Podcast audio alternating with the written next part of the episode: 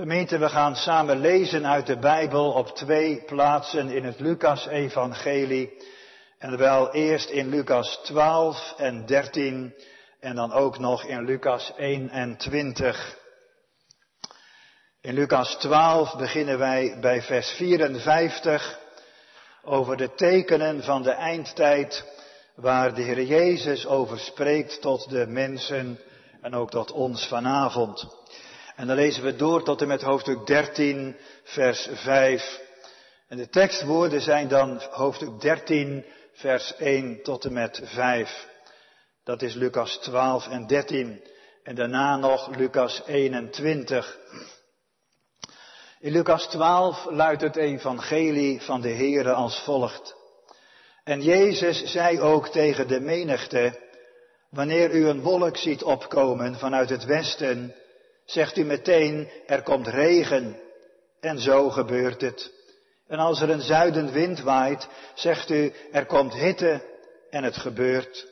Huigelaars, de aanblik van de aarde en van de hemel weet u te duiden. Hoe kan het dan dat u deze tijd niet weet te duiden? En waarom oordeelt u ook zelf niet wat rechtvaardig is? Want als u met uw tegenpartij naar de overheid gaat, doe dan onderweg moeite om van hem verlost te worden, opdat hij u misschien niet voor de rechter sleept en de rechter u aan de gerechtsdienaar overlevert en de gerechtsdienaar u in de gevangenis werpt. Ik zeg u, u zult daar beslist niet uitkomen voordat u ook het laatste penninkje hebt betaald. En dan onze tekst in hoofdstuk 13. Er waren juist op dat tijdstip enigen bij hem die hem berichten over de Galileërs, van wie Pilatus het bloed met hun offers vermengd had. En Jezus antwoordde en zei tegen hen, Denkt u dat deze Galileërs grotere zondaars zijn geweest dan alle andere Galileërs, omdat zij zulke dingen geleden hebben?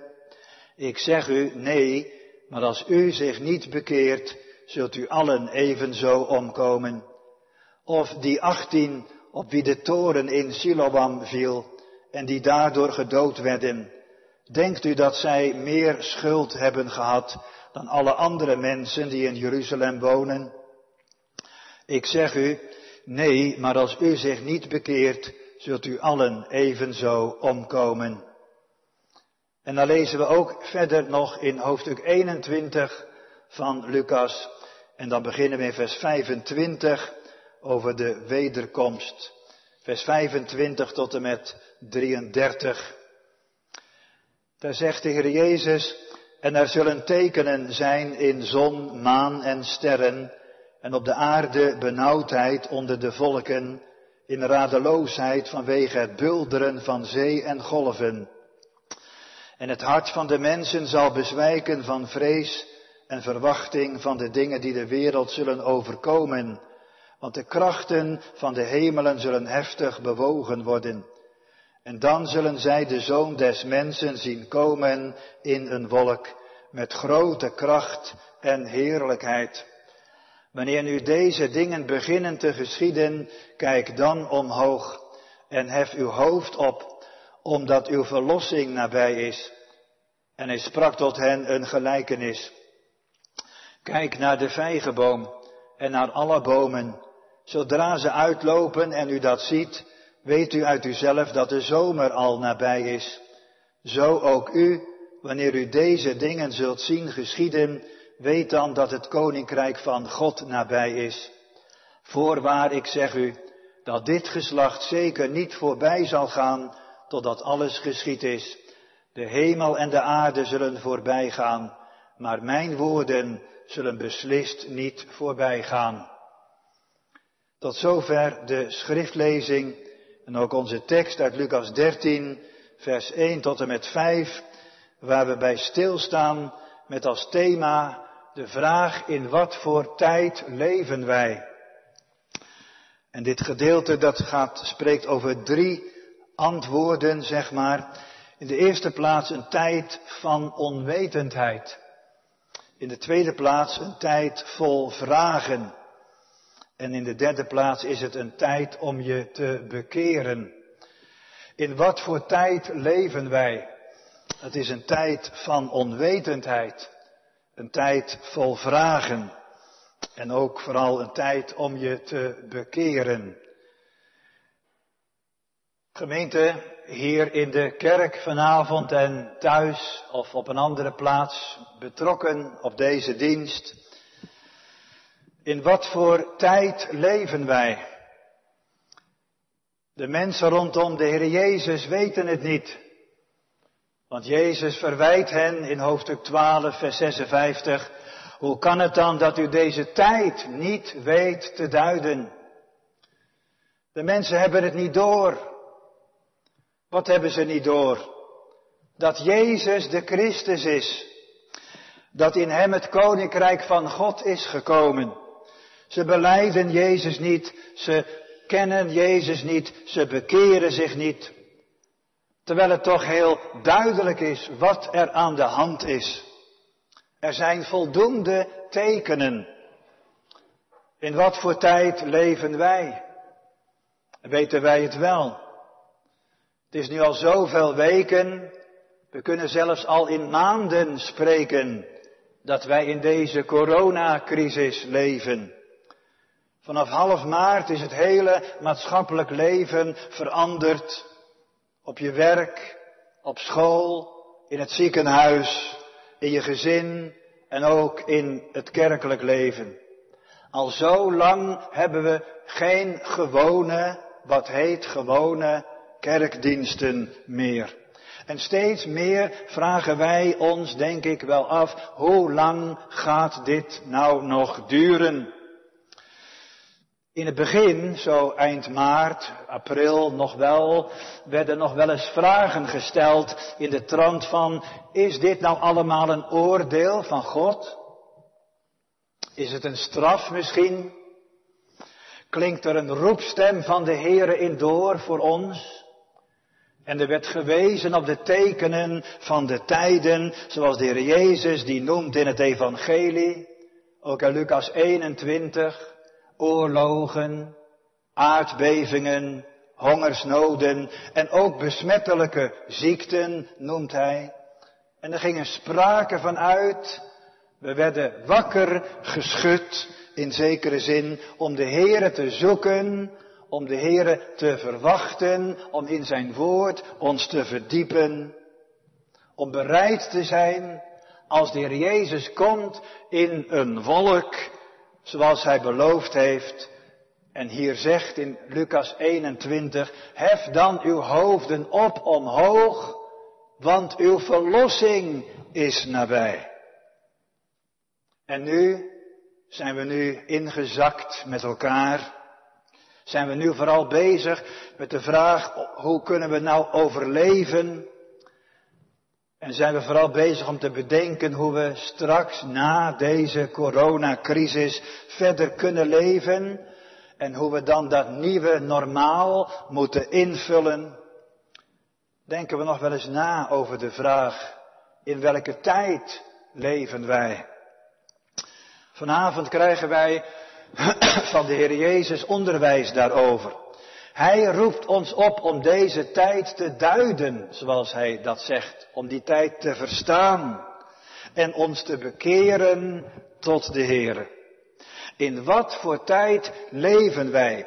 Laten we het eerst dan hebben over een tijd van onwetendheid, zo blijkt. Want in ons tekstgedeelte is de Heer Jezus in gesprek met de mensen die om hem heen zijn en die met hem meelopen. Ja, zij volgen hem wel steeds en ze lopen mee, maar ze komen toch niet echt tot het geloof in de Heer Jezus dat Hij de Zoon van God is. En ze accepteren Hem ook niet als de zaligmaker van hun zondige leven. Ze lopen wel achter Jezus aan, ze lopen wel zo'n beetje mee, zeg maar, maar ze bekeren zich niet. En al met al betekent dat voor die mensen een onbesliste houding. Het is lauw, lauw. En dat verwijt Jezus hen hier dan ook. Ze zouden nu Hem toch inmiddels wel moeten kennen en erkennen wie Hij is. De door God de, de gezonden verlosser, gekomen om zondaren te redden en te behouden. En dan spreekt hij hen in vers 56 van hoofdstuk 12 heel scherp aan als huigelaars. In het Grieks van het Nieuwe Testament wordt daar het woord hypocrieten gebruikt. In de niet herziene statenvertaling wordt het met geveinsden vertaald. Dat is heel scherp. Geveinsde, huigelaar, hypocriet. Dat zijn mensen, ja, die doen alsof. Die lopen wel achter Jezus aan, ze lopen wel met hem mee, maar het is niet echt bij hen, in hun hart niet en in hun levenswandel ook niet. De huigelaar is niet oprecht. Zoals wanneer vandaag mensen de mond vol kunnen hebben over de kerk en over de Bijbel en over het geloof. Maar ze doen alsof, want hun hart is er niet bij. En het heeft geen invloed op hun levenswandel. In de omgang met hun naasten niet. In Gods ogen leven ze niet oprecht. En waarom spreekt Jezus hen dan zo scherp aan als huigelaars? Wel, dat legt hij uit waarom zo scherp. Als zij een wolk zien opkomen in het westen, vanaf de kant van de Middellandse Zee, dan is hun conclusie, er komt regen. En als zij een zuidenwind weten dat die waait vanuit de hete woestijn, dan is hun conclusie, er komt hitte in het land. Zo weten zij de weersomstandigheden te duiden. En hoe kan het dan, zegt Jezus, dat jullie deze tijd niet weten te duiden? Dat is dus onwetendheid bij hen. Waarom trekken jullie wel een conclusie als het over het weer gaat? Maar waarom trekken jullie geen conclusie als het over de tijd gaat waarin wij leven? Ja, maar welke conclusie moeten ze dan trekken over de tijd? Wel, het hele optreden van de Heer Jezus is toch vol signalen dat Hij de Zoon van God is, dat Hij de beloofde Verlosser is, dat Hij de Messias is waar de profeten over gesproken hebben. Want kijk maar, zieken worden genezen en duivelen worden uitgeworpen en zonden worden door Jezus vergeven. Wat willen ze nog meer? Laten ze nou toch alsjeblieft de, de goede conclusie trekken en de tijd duiden dat Jezus de Zoon van God is die nu is gekomen. De zaligmaker van zondaren en laten zij zich tot de Here bekeren. Maar heel veel van die mensen, zo lezen we in het Evangelie, die Jezus volgen, die willen, laat ik maar zeggen, nog iets meer bijzonders bijzonderder, als dat nog een woord zou zijn. Ze willen wat voor hun gevoel echt een teken uit de hemel is, een teken van God. Maar volgens Jezus gedragen die mensen zich dan als iemand die samen met zijn tegenpartij naar de overheid gaat, naar de rechtbank. Daar zou je nog wel eens spijt van kunnen krijgen, zegt Jezus aan het eind van hoofdstuk 12. Het is beter om onderweg te proberen de zaak met die ander op te lossen. Zodat je de zaak niet gaat verliezen en je dan nog in de gevangenis terecht kunt komen. Als jullie een teken uit de hemel willen, Iets wat nog meer bijzonder is dan wat ik nu allemaal heb gedaan en doe. Dan roepen jullie in feite God zelf als rechter over jullie leven aan. En dan moet Hij maar uitmaken of Jezus echt de Christus is en de Zoon van God, ja of nee. Maar, zo bedoelt Jezus, als je zo met mij, met Jezus omgaat, dan red je het niet. Dat ga je verliezen dan kun je nog in Gods gevangenis terechtkomen. En daar kom je niet uit voordat je de laatste cent zult betaald hebben. Het is beter om nu, nu je nog met mij onderweg bent, nu je nog met mij meeloopt, het is beter om, om nu je met mij te verzoenen. Door mij te erkennen als de zoon van God, door voor mij neer te vallen en voor mij te buigen en mij te beleiden als de zaligmaker van zondaren en zo je te bekeren tot de Heere God mijn Vader. Met deze woorden heeft Jezus het dus eigenlijk al over het naderend eindgericht.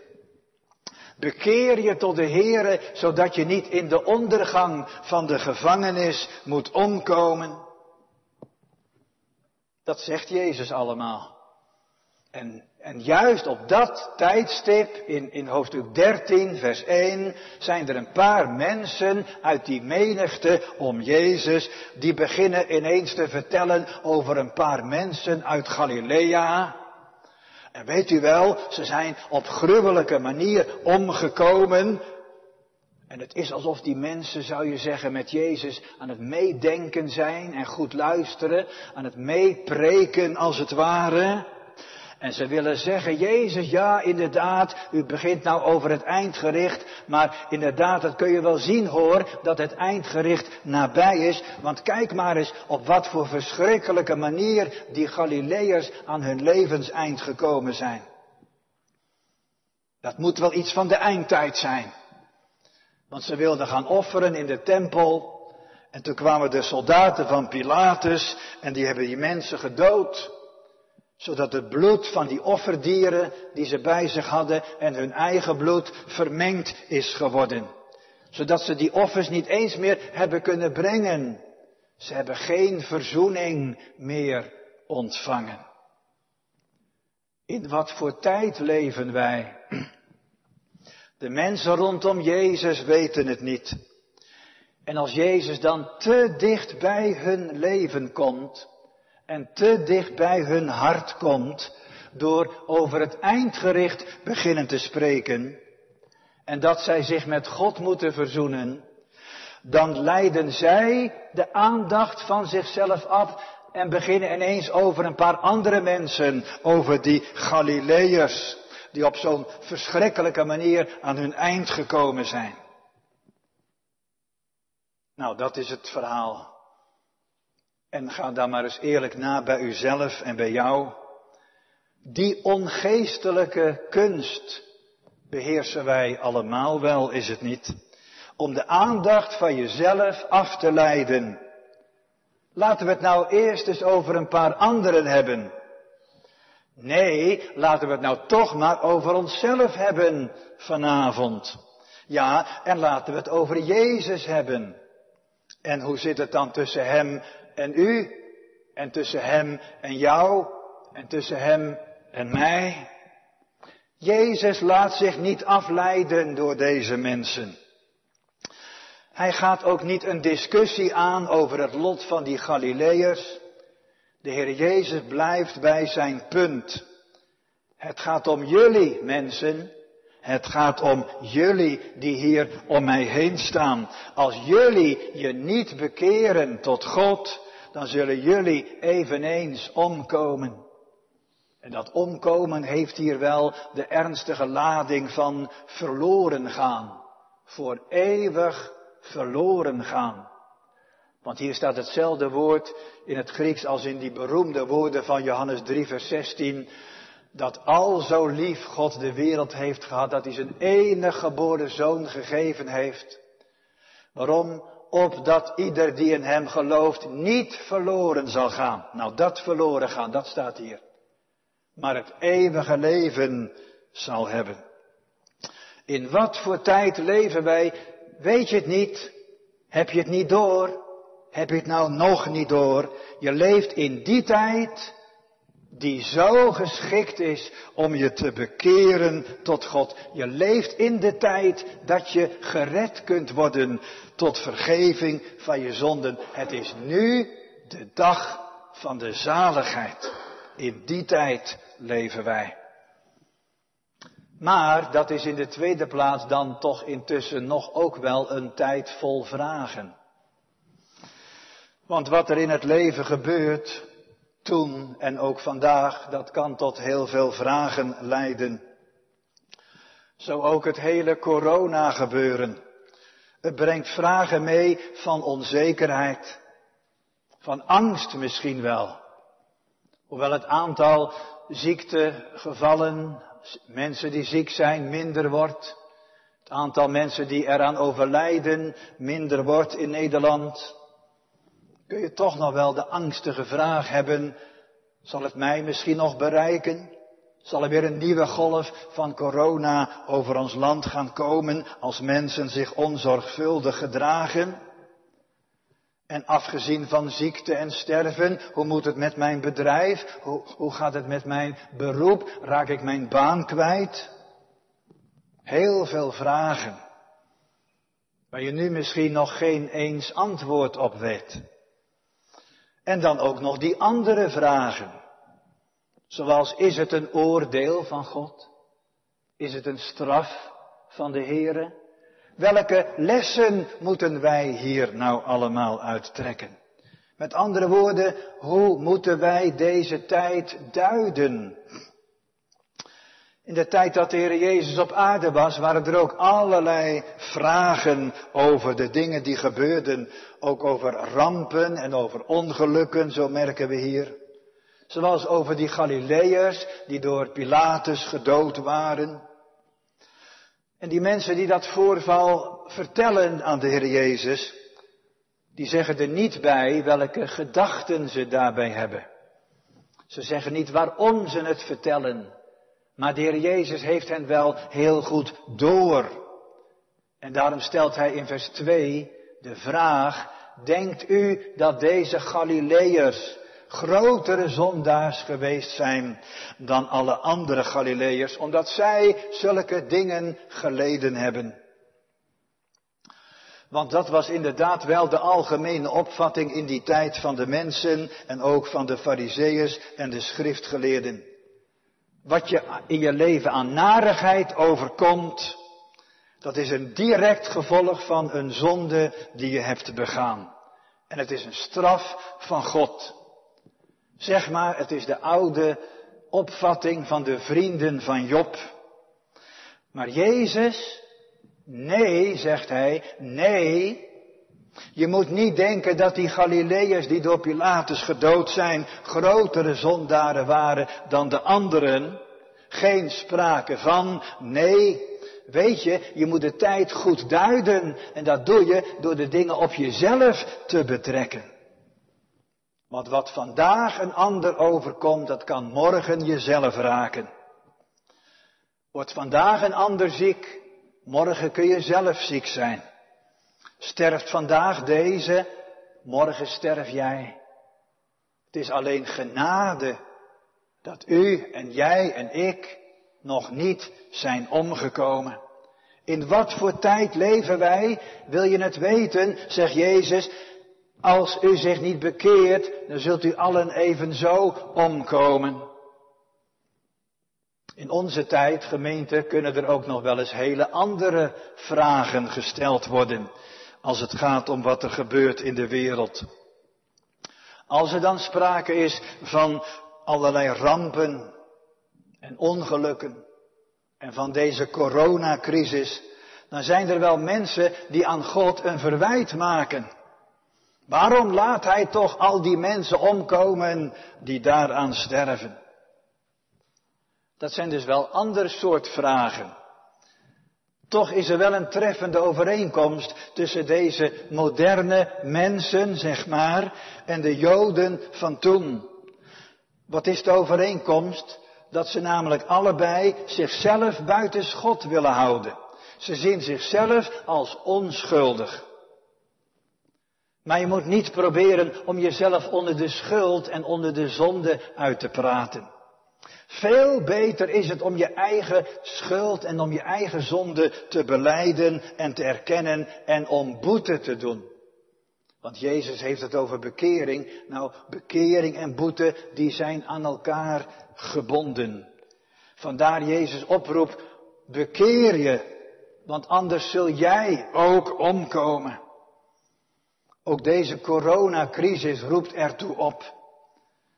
Want als wij proberen de tijd te duiden, dan moeten wij zeggen dat de crisis van een wereldwijde ziekte, besmettelijke ziekte, een teken is van de tijd.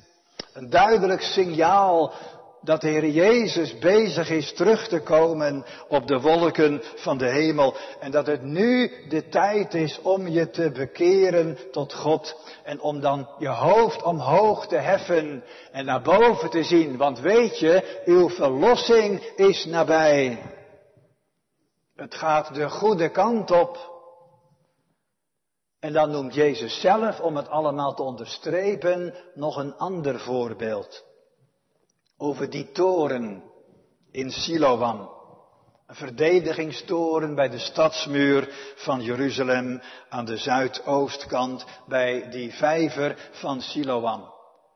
Die toren was ingestort en daar zijn 18 mensen omgekomen. Dat is natuurlijk een heel diep ingrijpend drama. 18 mensen zomaar op één slag dood. En dan vraagt Jezus aan de omstanders, denken jullie dat die achttien meer schuld hadden dan alle andere mensen in Jeruzalem? En Jezus' eigen antwoord is nee. Intussen moet u er wel even op letten dat Jezus het nou niet heeft over mensen uit Galilea, maar uit Jeruzalem. De stad van God.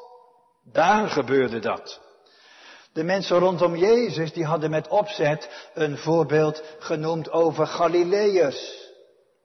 Want die zagen zij als slechte mensen. Uit het noorden van Israël, dat was het volk dat in duisternis wandelt. Daar kon je beter niet vandaan komen. Maar Jezus bedoelt tussen de regels door, nou moeten jullie niet denken dat je hier in Jeruzalem beter bent dan die mensen uit Galilea.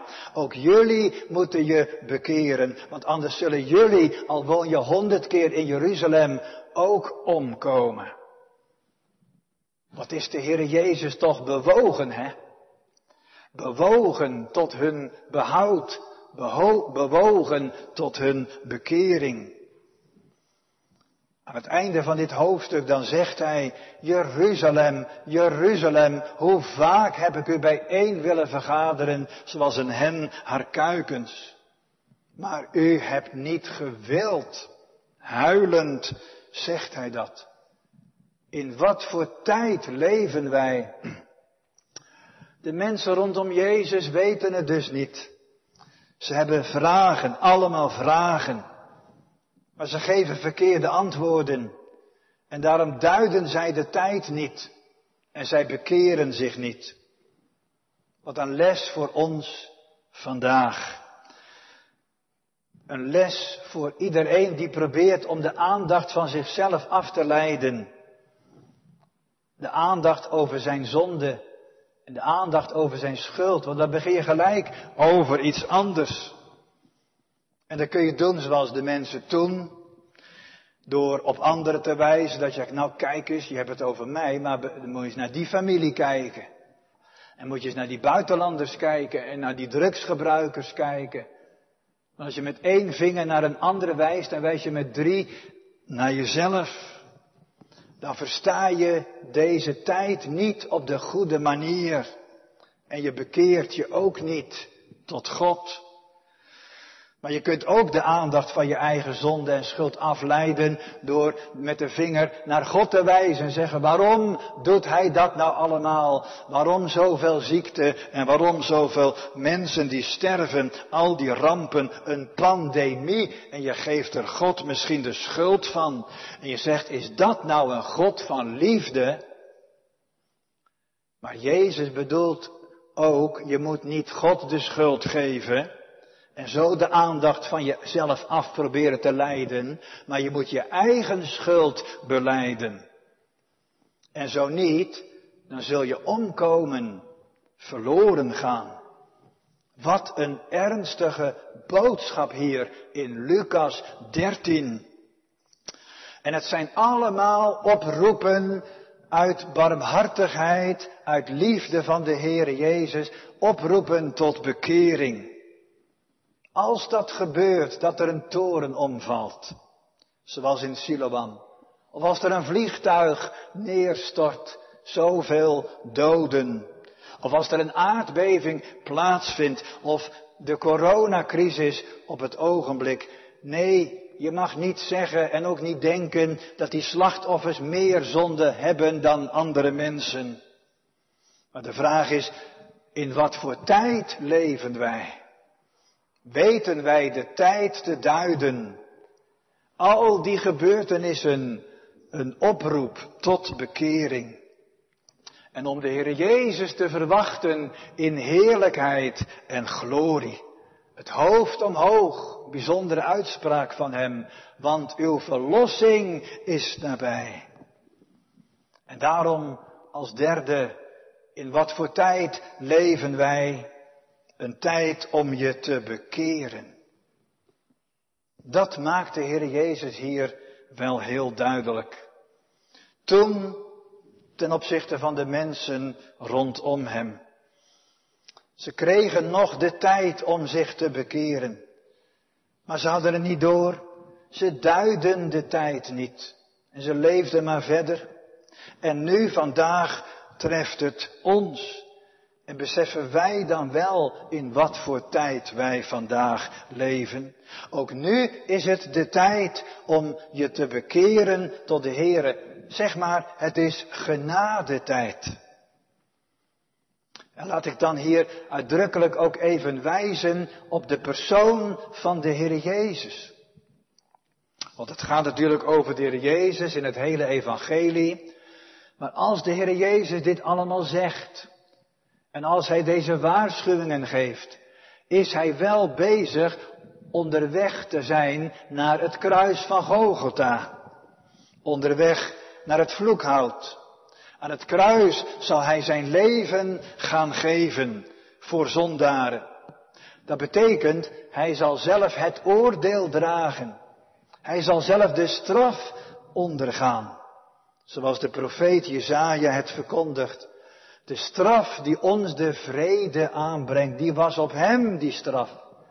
En door zijn striemen is ons genezing geworden.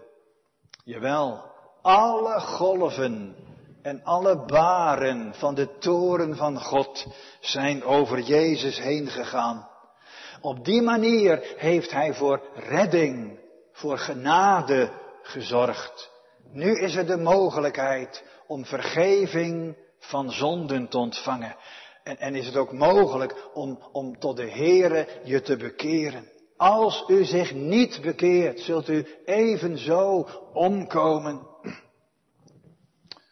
Ja, bekering, dat woord is nou al wel heel wat keren gevallen. Maar wat is dat nou eigenlijk? Bekering, dat is verandering van je hart, van je gedachten, verandering van je gezindheid, verandering van je wil. Beter gezegd nog, is het een vernieuwing.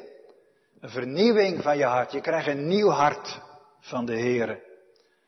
Een vernieuwing van je gedachten. Je gaat andere dingen bedenken dan je altijd had gedaan. Een verandering van je gezindheid. Een verandering van je wil. Je gaat willen wat de Heere God wil. En je gaat niet meer willen wat je zelf wil. Ja, maar kan iemand dan zijn eigen hart veranderen?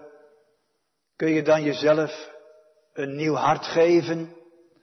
Is dat misschien uw vraag? Is dat misschien jouw vraag? Jongens en meisjes die vanavond meekijken en meeluisteren naar deze kerkdienst. Is dat jouw vraag? Hoe kan ik nou een nieuw hart krijgen? Hoe kan ik nou me bekeren tot God? Hoe gaat dat dan? Wat is dat dan? Dat is wel een mooie vraag, een goede vraag. En daar hoef je ook niet oud voor te zijn om die vraag te stellen in je leven? Nee, dat is een hele mooie vraag om mee tot God te gaan. Je moet die vraag niet stellen als een excuus. Dat je denkt, nou ik kan me toch niet bekeren, dus ja, hoe moet dat dan? En dan excuseer je je en, en je leven blijft zoals het is. Je moet het niet stellen, die vraag als een uitvlucht, maar echt als een vraag, als, als nood in je leven. Hoe kan ik mijzelf bekeren? Want zo zegt Jezus het wel. Als u zich niet bekeert, dus dat moet je doen. Maar hoe kan dat? Dat kan toch niet? En als je het uitprobeert, dan merk je ook dat dat niet kan, dat het je niet lukt. Want dan, dan ga je proberen om andere dingen te willen. En andere dingen te denken. En andere dingen te doen. Dat lukt je niet. Breekt je bij de handen af. En met die zorg, met die nood, met die schuld ook, met die mislukkingen, mag je vluchten naar de Heere toe, een toevlucht in benauwdheden. En je bidt tot Hem, weet je wat je dan bidt? Dan bid je net als Jeremia, Heere, bekeert U mij, dan zal ik bekeerd zijn. Nou, ben je zo wel eens naar de Heer Jezus gevlucht? Naar God gevlucht, lettend op de tekenen van de tijd. Je kijkt om je heen en je hoort en je leest en je ziet van al die ziekten en allerlei andere moeilijke dingen. En je werd zelf misschien niet ziek en er is veel, veel voorspoed. En dan denk je, wat is nou de bedoeling van God met mijn leven? Dat ik mij tot Hem bekeer. Heere, weest U mijn gids in mijn leven, mijn leidsman. Dan vlucht je tot God, voel je wel. Toen die toren omviel met die 18 mensen eronder. Toen de coronacrisis uitbrak, met nu al meer dan 6000 mensen gestorven in Nederland. En, en toen, toen dat vliegtuig naar beneden viel. En, en, en die aardbeving kwam en dat auto-ongeluk. En toen, je wende je tot God. Dus weten wij in wat voor tijd wij leven. Ja, en dan is die bekering niet alleen iets van de binnenkant, zal ik maar zeggen, maar dat komt ook aan de buitenkant naar voren. Het wordt dus heel concreet, die bekering. Ik zei al, bekering begint met ootmoed, berouw, boete, nederigheid, kun je ook zeggen. Zo lezen wij in het begin van het evangelie dat Johannes de Doper de mensen oproept om zich te bekeren, zegt hij, want het koninkrijk van God is nabijgekomen. Dat is de tijd waarin zij leven. En daarom zegt hij, boete gevraagd mensen, berouw, bekering tot de Heere. En dat wordt van ons in onze tijd ook gevraagd. Ootmoed, berouw, beleidenis van je zonden, erkennen de verkeerde dingen in je leven. En dan die bekering dus heel concreet, zei ik. Het heeft ook met de tijd te maken waarin je leeft en, en hoe je doet, deed en doet. Hoe dan? Nou, in deze coronacrisis kunnen wij heel bijzonder wel denken aan de zonde van hoogmoed. Hoogmoed. Dat je denkt dat je alles kunt en dat je alles hebt en dat je alles weet. Want wat denken wij mensen gemakkelijk dat alles maakbaar is in het leven? Van het prille begin van het mensenleven tot het soms moeilijke einde van het mensenleven. We denken, we kunnen het allemaal zelf in de hand houden en hebben. Ik vul mijn eigen leven wel in, zei een jongen eens. Hoeft u mij niet te zeggen uit de Bijbel. Dat is die hoogmoed. En dat we denken dat we met de techniek alles wel kunnen en kunnen bereiken wat wij willen. Wat wij willen. Staat niet met grote letters het woord zelfbeschikking boven het leven van ons. Of anders gezegd, dikke ik, daar gaat het om in het leven, vinden we. Mensen als wij leven zo heel makkelijk voor het hier en het nu en, en we zijn niet op de Heer Jezus gericht. Heere, wat wilt u dat ik doen zou? Dat is de vraag. En er wordt nu heel veel geïnvesteerd in het vinden van een vaccin om de corona te bestrijden. Of eigenlijk wel om, om te beheersen, die ziekte. En er is zelfs een concurrentieslag bezig op dit gebied. Wie zal de eerste zijn die het heeft gevonden, dat vaccin? En als het er dan is, hoe dan verder? Willen we dan weer op de oude voet verder gaan? Is dan alles toch nog weer maakbaar, vinden we? tot en met een vaccin toe. Maar gaan we dan toch verder zonder bekering? In wat voor tijd leven wij? Willen wij alles weer normaal? Maar het komt aan op het nieuwe normaal. Het geestelijk nieuwe normaal. En wat is dat dan? Dat is het leven met de Heere. Dat is bekering. Ook in dagelijkse bekering. Gericht op de Heer Jezus, gericht op zijn woord, gericht op zijn komst. Dat je beseft, dit aardse leven is een voorpost van de eeuwigheid. Zoals wanneer je in een trein zit en je gaat allerlei stations voorbij en je bent op het reisdoel gericht. Je laat je niet afleiden door die andere stations, daar laat je niet door inpakken, om zo te zeggen. Nee, op je reisdoel gericht. Zo ook in dit leven staan. Je beent je niet door wat je onderweg tegenkomt, al die stationnetjes, al die dingen die gebeuren. Je bent op je reisdoel gericht. En wat is dat reisdoel? Nou, zegt Jezus, als die dingen beginnen te gebeuren, hef dan je hoofd omhoog, want je verlossing is nabij. Dat is toch het doel van je leven, als het goed is. Wat hebben wij die aansporing van de Heer Jezus nodig, ook in de kerk? Beneveld als we vaak zijn door de geest van deze eeuw. In wat voor tijd leven wij? De mensen rondom Jezus weten het niet. Want Jezus verwijt hen, hoe kan het dan dat u deze tijd niet weet te duiden? De mensen hebben het niet door wat hebben ze niet door? Dat Jezus de Christus is. Dat in Hem het koninkrijk van God is gekomen. Ze beleiden Jezus niet en ze bekeren zich niet. Terwijl het zo duidelijk is wat er aan de hand is. Er zijn voldoende tekenen. In wat voor tijd leven wij? Weten wij het nu wel? Amen.